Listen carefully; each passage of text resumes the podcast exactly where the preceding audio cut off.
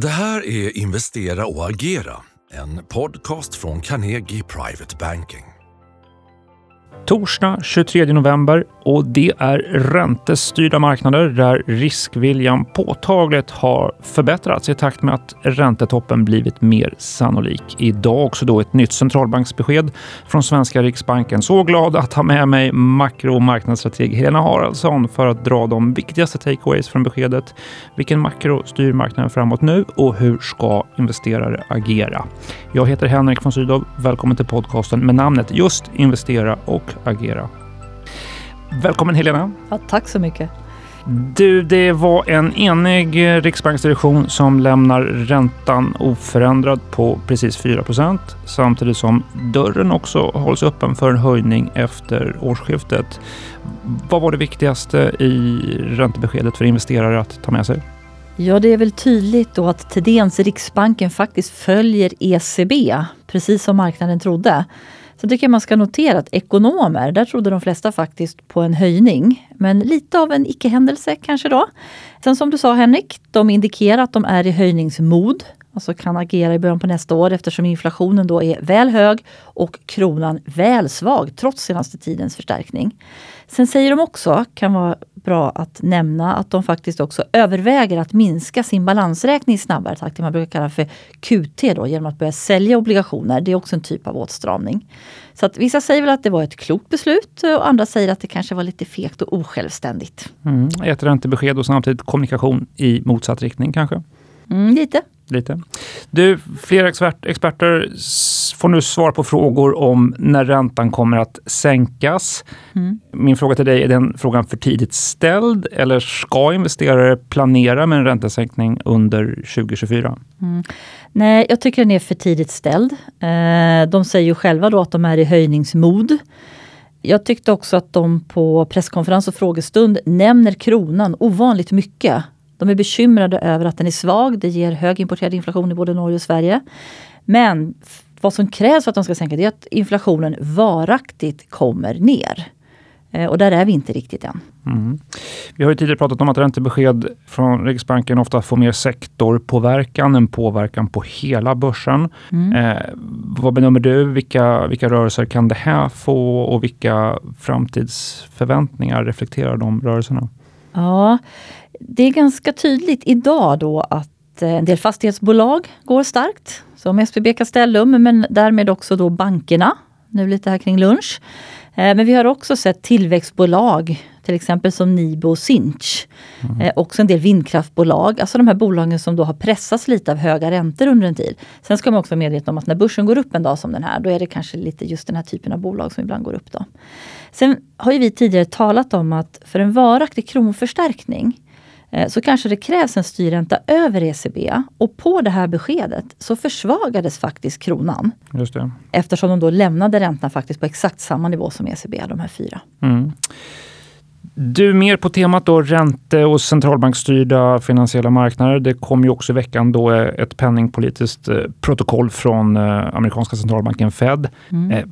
Vad noterade du där? Ja, det är protokollet som visar hur de tänkte då vid mötet 1 november. Eh, det var tydligt att de inte var så angelägna om att höja räntan igen. Precis vad marknaden ville höra. Sen beskriver de lite skeva risker kan man säga. Då. Alltså det är risk för fortsatt hög inflation 24. Eh, Men samtidigt så tycker de att det är nedsiderisker på konjunkturen 24. Så de talar åt lite olika håll. Då. Sen finns det både pessimister och optimister kring just hushållens konsumtion i Fed. Så de talar gärna om att de kommer vara careful, alltså försiktiga och väldigt databeroende. Sen kan man väl nämna också att sen det här mötet har det hänt en del. Oljepriset har fallit vilket dämpar inflationen. Samtidigt då har vi fått en del såna enkäter som visar att hushållen de tror på högre inflation om ett år än vad de trodde tidigare och det gillar inte centralbankerna. Eh, gäller ekonomin då så har den fått lite mer draghjälp får man säga av det som kallas för financial conditions, alltså lägre räntor, svagare dollar och stigande börs. Mm summan då är väl att det är tydligt ändå att Fed nu har tagit en räntepaus och sen får väl utvecklingen då både i ekonomi och inflation utvisa räntebanan för 24 och då är det viktigt att följa både långa och korta räntor. Mm. Jag sa i starten att riskviljan eh, har kommit tillbaka eh, i delar i varje fall på de finansiella marknaderna. Alltjämt så finns det ju en viss osäkerhet hos investerare huruvida den återhämtning som vi har sett på globala börser är en kortsiktig reaktion på, mm. på fallande räntor eller om det är starten på en mer långsiktig återhämtning drivet av ett mjuklandningsscenario med fallande inflation. Eh, eh, svår fråga, men hur, hur, resonerar du om framtiden? Ja, vi kan försöka bena ut det lite. Om man börjar med räntorna så tror jag att när det gäller riskviljan, just nu då så räcker det faktiskt med en räntepaus. Det behövs inte ett stort räntefall, det har vi ju redan sett. Eh, centralbankerna de säger att räntesänkningar, de dröjer, det är bara det att marknaden inte lyssnar. Sen är det lite intressant också om man ska prata om ränteläget framåt att färska barometrar som vi fått idag i Europa visar att det är ett problem med tjänsteinflationen som drivs av lönekostnader trots att tjänstesektorn bromsar. Så då är man ju ganska långt ifrån sänkningar här i väst. Då. Tittar vi på konjunkturen, då ger ju samma barometrar som beskriver den höga tjänst, tjänsteinflationen då, stöd för en mjuklandning. Eh, de europeiska barometrarna de är liksom i stagnation och recessionsnivåer. Men inbromsningen förvärras inte, utan den mildras. Mjuk landning. Så det är inte så bra för inflation, men det är definitivt okej okay för vinsterna. då. Och vad vi såg idag var ju till exempel att Storbritannien, eh, där är inte tjänstesektorn längre i inbromsningsfas. Eh, men särskilt hoppfullt eh, tycker vi då att det var att den här stora tunga tyska industribarometern den faktiskt blir mindre dyster och lite bättre. Eh, till det här kan man ju då, om man ska se något ljus, säga att lagerneddragningar verkar vara över mm. i många branscher. Och att vi alltjämt då har ganska bra konsumtion i USA. Där får ju hushållen, de har jobb och de får lite bättre köpkraft. I Sverige så är det i alla fall då mindre negativ köpkraft och mindre svag konsumtion, men det är alltid något. Ser vi på börsen då, för det var en fråga om det egentligen, vad man ska tro framåt. Då vill jag ändå betona det att man, marknaden gläds åt och hoppas på räntesänkningar från Fed. Det tycker vi är lite, lite udda och farligt för 24. Därför att om de här Fed-sänkningarna sker för att ekonomin gör en hårdlandning, vilket kan vara liksom ett av skälen till att de sänker aggressivt, då kommer ju det gå hand i hand med svaga bolagsvinster. Mm. Och det här tycker jag faktiskt marknaden blundar lite för mycket för. Mm. Vi tycker då att en mjuklandning med höga men inte högre räntor en tid till.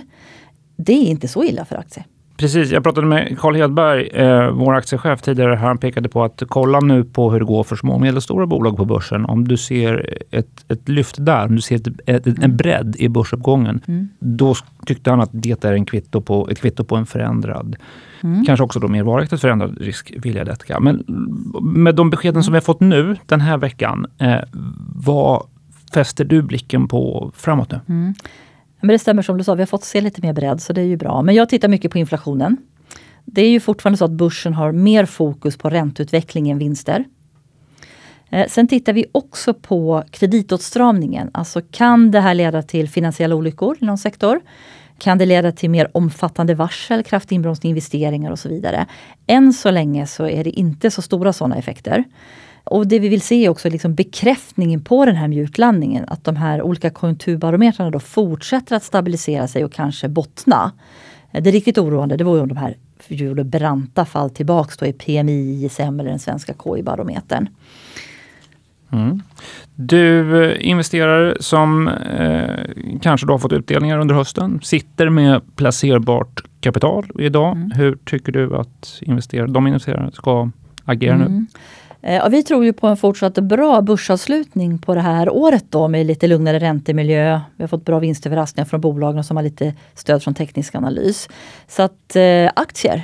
Eh, vi själva har övervikt aktier, det vill säga mer aktier i portföljen normalt. Så det kan man lägga pengarna på om man inte redan har det. Och då gärna både på svenska och utländska aktier, för så agerar vi. Sen tycker jag också man ska lyfta fram någonting då att guld kan ha sin plats i portföljen trots den här lite mer positiva marknadssynen här på kort sikt. Då.